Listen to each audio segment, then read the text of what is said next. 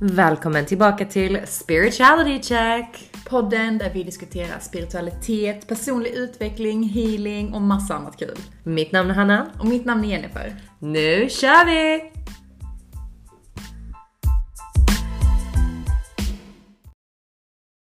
Kul att vara tillbaka. Så kul. Äntligen. Och vi har så mycket att prata om. Oh, Så mycket som har hänt. ja, jättemycket. Ja, tänkte vi kan gå in på det direkt. Ja. Eh, bara för det är så mycket, alltså både för oss privat och astrologiskt som har hänt. Och det är ett nytt år, så gott nytt år till alla. Ja, du får berätta lite om, eh, du har ju väldigt bra koll på eh, både energiuppdateringarna och det här med nyåret. Eller bättre koll än mig i alla fall, beroende på vem man jämför med. Jag har absolut inte jättebra koll. Men jag ska, det som jag tycker är intressant Mm. eh, brukar jag ha ganska bra koll på. Mm. Och det är framförallt då nu den 20 eller 21 så hade, fick, kom vi ju in i eh, väduren från Mm. fiskarna. 21 mars då. Så då är det ett nytt eh, astrologiskt år, säger Mm. man ju. Och Mm. ja, vi avslutar ju med fiskarna, vi är fiskar. Så Mm. det är vår... Eh, och det är också väldigt, det här är väldigt lugna eh, eh, upp till, vår, eh, till väduren då. Det är Mm. väldigt eldigt, väldigt Ja, så här, och nu våren kommer liksom och så det händer väldigt mycket och det är väldigt mycket som kanske man, saker man har planerat nu under både under fiskarnas säsong kanske som man faktiskt gör nu i Mm. I vädurets tecken för då får man lite mer energi. Mm.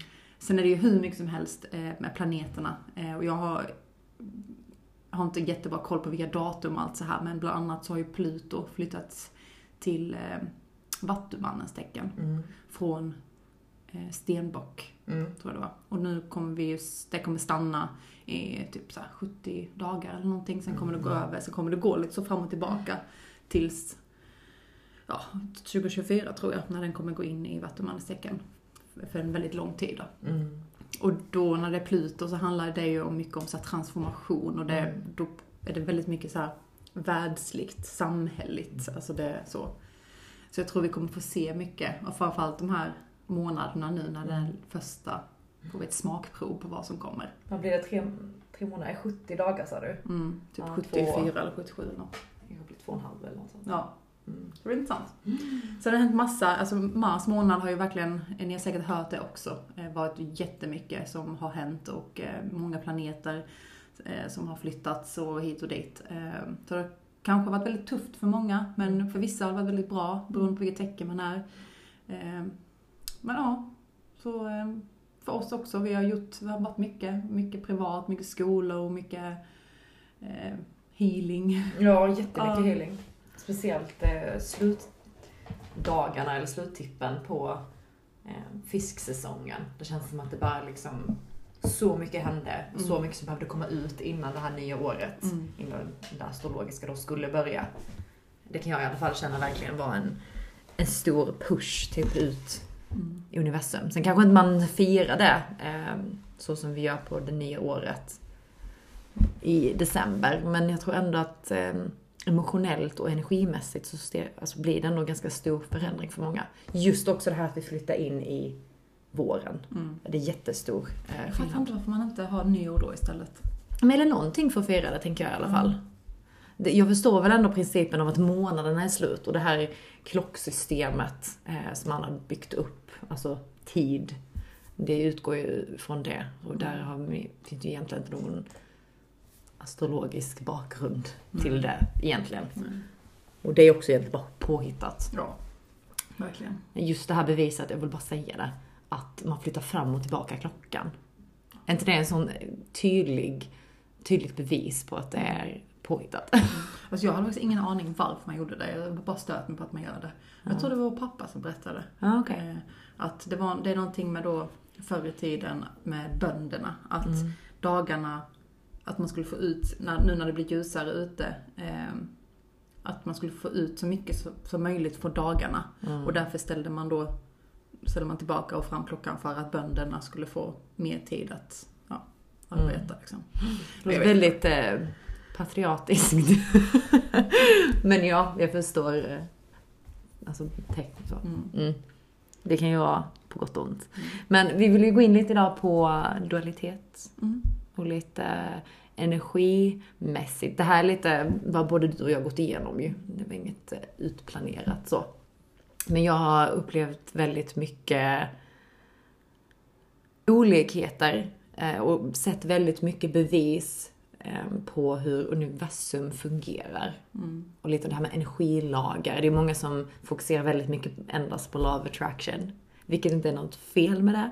Men har man inga god intention bakom så kanske det inte alltid är det bästa möjliga sättet att eh, använda energier utav. Men just när du har gjort väldigt mycket arbete på dig själv, då finns det ju även energier som kan ge väldigt mycket lugn i turbulenta stunder.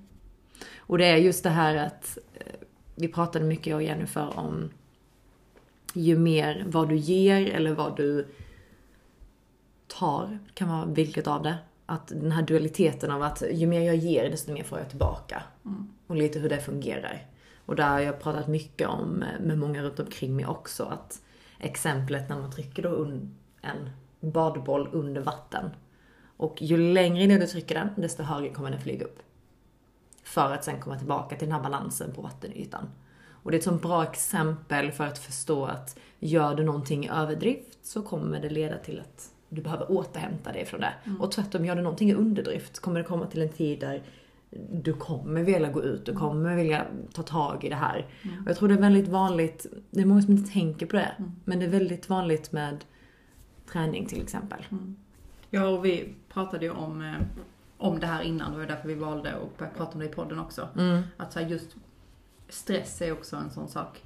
Att om man är väldigt, eh, man är väldigt stressad i en period, då kommer ju till slut kroppen säga ifrån för det första. Och för det andra så kommer man behöva, precis som du sa, den här återhämtningstiden. Och då spelar det ingen stor roll liksom vad man gör, utan man gör ju det man känner sig dragen till. Men att det handlar om den här balansen, den här yin och yang energin. Mm. Att när man ger, eller när, när man ger eller är väldigt mycket, när man gör någonting väldigt, man går in för någonting väldigt hårt, så kommer ju till slut kroppen säga till för att den behöver mer av det andra. Ja, det är ju Och det är typ, fint också. det är jättefint. Det är min personlighet, att gå in i någonting för mycket och sen till slut bara, nej nu behöver jag raka motsatsen. Ja. Och det kan vara, jag tror att det är så vanligt, vi lever i en så prestationsbaserad värld. Väldigt maskulin energi, det här yang-energin. Och yin är det här återhämtande, vilan, mörka. Och att någonstans att i det här, där vi är just nu, på jorden, behöver vi båda. Det är lika mycket som att vi har jättebra glada dagar, så har vi sämre dagar. För att balansera ut den här energin. Det, vissa kallar det det här karmic wheel, eh, kan också kalla det mm, dualitet, yin och yang. Alltså det är lite så, för att varmt ska finnas måste kallt finnas. Vi har pratat mycket om det här innan. Jag tänkte vi behöver inte gå in så djupt just på det. Men i den här världen då, det jag vill komma till med prestationen, att när vi då till exempel går jättehårt in på jobb till exempel då, och det är flera månader där vi bara sliter och vi presterar, levererar extremt bra. Det kommer komma en tid där det blir för mycket. Stress, det kan vara olika, behöver inte vara stress, men olika för alla. Men det kommer komma till, kan vara utmattningssyndrom. Och då kommer du behöva gå tillbaka. Och jag tror där, det steget tillbaka, när det är ett egobaserat syfte, så är det så svårt för många människor att gå tillbaka till det här och veta att men nu behöver jag återhämtning. Det är ju inte på något sätt något misslyckande heller. Um, och så någonstans också vara compassionate, vad heter det på svenska? Jag kommer inte på nu, men ni förstår. Compassionate, eh, öppen till sig själv. Att våga ta tid för att återhämta sig. Behöver inte vara just återhämtning, det är bara ett exempel för att få liksom den här att när man har gjort något i ett extremt så behöver vi det andra. Och det är lite så universum. Det är också den här eh, åttan som många förklarar. Evighetstecknet. Evighetstecknet. Mm. What comes around goes back around. Men det kan man ju säga att så lever vi ju inte, vi människor, Nej. i världen. Vi jobbar fem dagar i veckan, ledig två. Vi jobbar hela året, ledig fyra veckor på sommaren. Ja, nej men det är ju... Så det är ganska sjukt hur, också hur allting är uppbyggt för att Mm. vi inte ska ha den balansen, vi- att vi inte ska må bra. Det är ju väldigt mycket konspirationsteorier eh, om, om just det här att Mm. då man kallar det dem eller staten, att de försöker då trycka ner människor för att vi inte ska eh, liksom upp eh, i högre frekvenser. Mm. För att när, när de har oss under kontroll, när vi jobbar, när vi gör det vi ska, då kommer vi inte känna De där, kän- då kommer vi inte kunna stiga så mycket. För att vi, för det första är vi inte medvetna och för det andra så blir vi nedtryckta. Och eh, det är också mycket omedvetet, tyckte jag var ganska intressant, eh, med just människor man möter. Jag säger inte att de här människorna eh, omedvetet trycker ner människor för Mm. att eh, Ja men just för det här med uppstigningen. så. Ja, Mm. och att det är den här uppstignings... eh, Jag tycker ju det här är jätte, jätteintressant. Mm, mm. Ehm, Med just det här uppstigning och det ljusa och det mörka. Ehm, Och det är också en dualitet. Mm. Det ljusa och det mörka och det tror jag definitivt finns. Mm. Sen kanske det inte är så som man tror att det är. Det tror inte nog inte jag heller. Men jag tror absolut att det finns ett ljus och att det finns ett mörker. Mm. Eh, Och inte bara fysiskt då. Eh, Men att det här ljuset är ju det som har fått, alltså vi stiger ju nu hela tiden och det kommer in så starka energier hela tiden som gör att gör, gör det möjligt för oss att faktiskt växa. Men vi kommer alltid möta de här motgångarna eh, både genom möten med andra människor och med, alltså med händelser i livet. Mm. Jo, det är ett jättebra exempel bara för att få lite perspektiv på vad som händer och vara medveten om det, men också då att kunna hantera situationer där, för att oavsett om det kommer ännu mer ljus och mörkret tynar ner, så kommer det fortfarande behöva finnas. Det låter Mm. lite eh, tråkigt eller så skeptiskt, men det, det blir ju lite så att den här jorden ju, fungerar ju så. Det ska ju finnas dualitet. Det ska finnas yin och yang. Mm. Vilket så, yang är ljus, yin är mörker. Mm. Och det behöver, mörker behöver inte vara en eh, negativ term, utan det är ju bara så vårt språk är uppbyggt. Att det ska vara olika betydelser. Och också det här dualitetiska, positivt, negativt. Mm. Men om man ska se det då enligt den här konspirationsteorin så har ju mörkret varit, haft överhand, eller övertag nu i, i flera hundra år. mm, Och jag vet alla mina liv som jag har levt så har jag varit en ljusarbetare att liksom kämpa eh, mot mörkret och liksom eh, få ljuset att stiga. mm, Och i det här livet nu så har vi kommit en jättestor bit för nu har, ökar vi faktiskt frekvensen på hela jorden jättemycket. Så det tycker Mm. jag är intressant. Ja, nej men och jag, jag tror absolut att det kan vara en skift i det. Eh, Men jag, jag menade ingenting om att det inte existerar, utan det var mer att jag tror fortfarande att, jag tror inte mörkret kommer försvinna och att det bara kommer vara Nej, ljus. det tror inte jag heller. Det måste ju någonstans, precis som när det var mörkt då, så som, som, som du kallar det. Då fanns det fortfarande ljus, det fanns fortfarande människor som Absolut. vaknade upp och en rörelse liksom. Så att jag tror att det ska vara dualistiskt. Och det, det kommer nog alltid vara så. Det kommer, Skiftande. Ja. Och det är klart att mörkret kommer finnas, men att, att mörkret eh, är större än ljuset. Mm, det är ja, just det- det. Att det, vi vill att ljuset ska vara större. Sen får mörkret finnas, för alla Mm. människor bär på mörker. Mm. Så är det.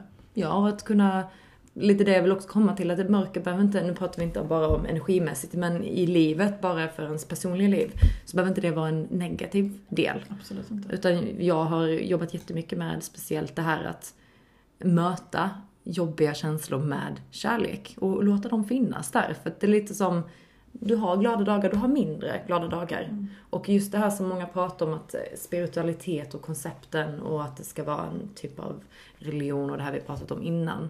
Att just det, det mest spirituella du kan vara är här och nu. Mm. Och det fokuset ligger också på att ta den här stunden, om det är ångest, om det är glädje, om det är sorg. Ta det med just den acceptansen av att, men det här är just nu. Mm. Och så här är det. Mm. Och jag lyssnade, jag lyssnade på någon podd eh, för några dagar sedan om just det här. Mm. Att eh, det, fin- det finns liksom, det kommer aldrig hända att man kommer lyckas att inte få några jobbiga känslor eller tankar. Nej. Alltså, och det, för det kommer alltid komma. Det kommer Mm. alltid finnas. Eh, sen kan man välja hur man hanterar dem och hur man agerar ut ifrån dem. Och det, för det var, då intervjuade hon någon eh, sån här, någon som har varit någon liksom buddhistisk eh, så här, Guru kanske. Ja, något Mm. så, alltså så väldigt så här, något upplysning och du vet så här, väldigt, men hon sa ju också det att hon, hon lever fortfarande med tankar och känslor. Men hon, hon är medveten om dem och hon ser dem. Mm. Hon är inte dem utan hon, vad heter det? Observera dem. Observerar dem. Mm. Och jag tror det har hjälpt mig jättemycket i min resa. Och du vet, när man konstant letar efter så här, jag vill ha ett uppvaknande. Och det, jag tror det här letandet, det är där man inte riktigt når upp dit. För att Det finns inget att hitta. Nej. Allting är redan inuti dig. Att inte identifiera sig med sina tankar. Alltså det är därför jag är så hårt, jag vill inte ha labels, inga tankar, inga känslor. Jag identifierar inte någon efter hur de agerar. För att det är, det kan vara så mycket. Alltså det är perception, det är uppväxt, det är trauman, känslor, allt. Så just då bara för min del, när jag blev mer medveten om, gud nu kommer en jobbig känsla. Då bara observerar jag den och frågar ofta mig själv också. Som från ett högre perspektiv. Men vad behöver du? Och den här personen kanske bara vill bara prata ut och bara säga alla de här sakerna som är jobbiga. Och sen släppa det. Mm. Det behöver inte vara Absolut. större än så. Men jag tror också just det här med uppvaknande är ganska också intressant. Eh, för både du och jag har ju varit med om uppvaknande och det har ju verkligen varit de perioderna när man letar ju aldrig efter det. Och framförallt inte de första för då visste man ju inte vad det var tills man insåg att det här är nog ett liksom så här, awakening, spirituellt uppvaknande om man vill kalla det så. Eh, men att ett snäpp upp i medvetenheten liksom. Mm. Det handlar det om. Men eh, just det att jag, jag tror också att många kommer få de här uppvaknanden när de mest behöver det och då brukar det vara i de här lågfrekventa, liksom i, i mörkret när man är väldigt Mm. eh, sårad, jättekrossad, var, stressad, vad det nu än är. Att det är då det kommer komma in Mm. och inte när man letar efter det. Utan man Nej. behöver det. Jag tror också att det är många som pratar om det här eh, karmic path och eh, lite om vad man varit igenom i förra liv, ens själ och yoga, yogi path. Och någonstans att bakom allt, precis som du säger att vissa behöver det. Men en del gör inte det. Jag vill också ändå någonstans nämna det att bara för att du, man inte har fått ett så kallat uppvaknande, eller man kanske aldrig gått igenom jättejobbiga känslor, men man är ganska lycklig. Och inte menar inte jag lycklig i denial, utan att man känner något bakom, åh jag behöver mer och mer och mer. Utan det här lilla, det enkla och den här medvetenheten om att leva i här och nu kanske räcker för den personen. Och den behöver inte gå igenom något jättestort dualistiskt uppvaknande där den gick från mörker till ljus och lite här Eckhart Tolle-känslan.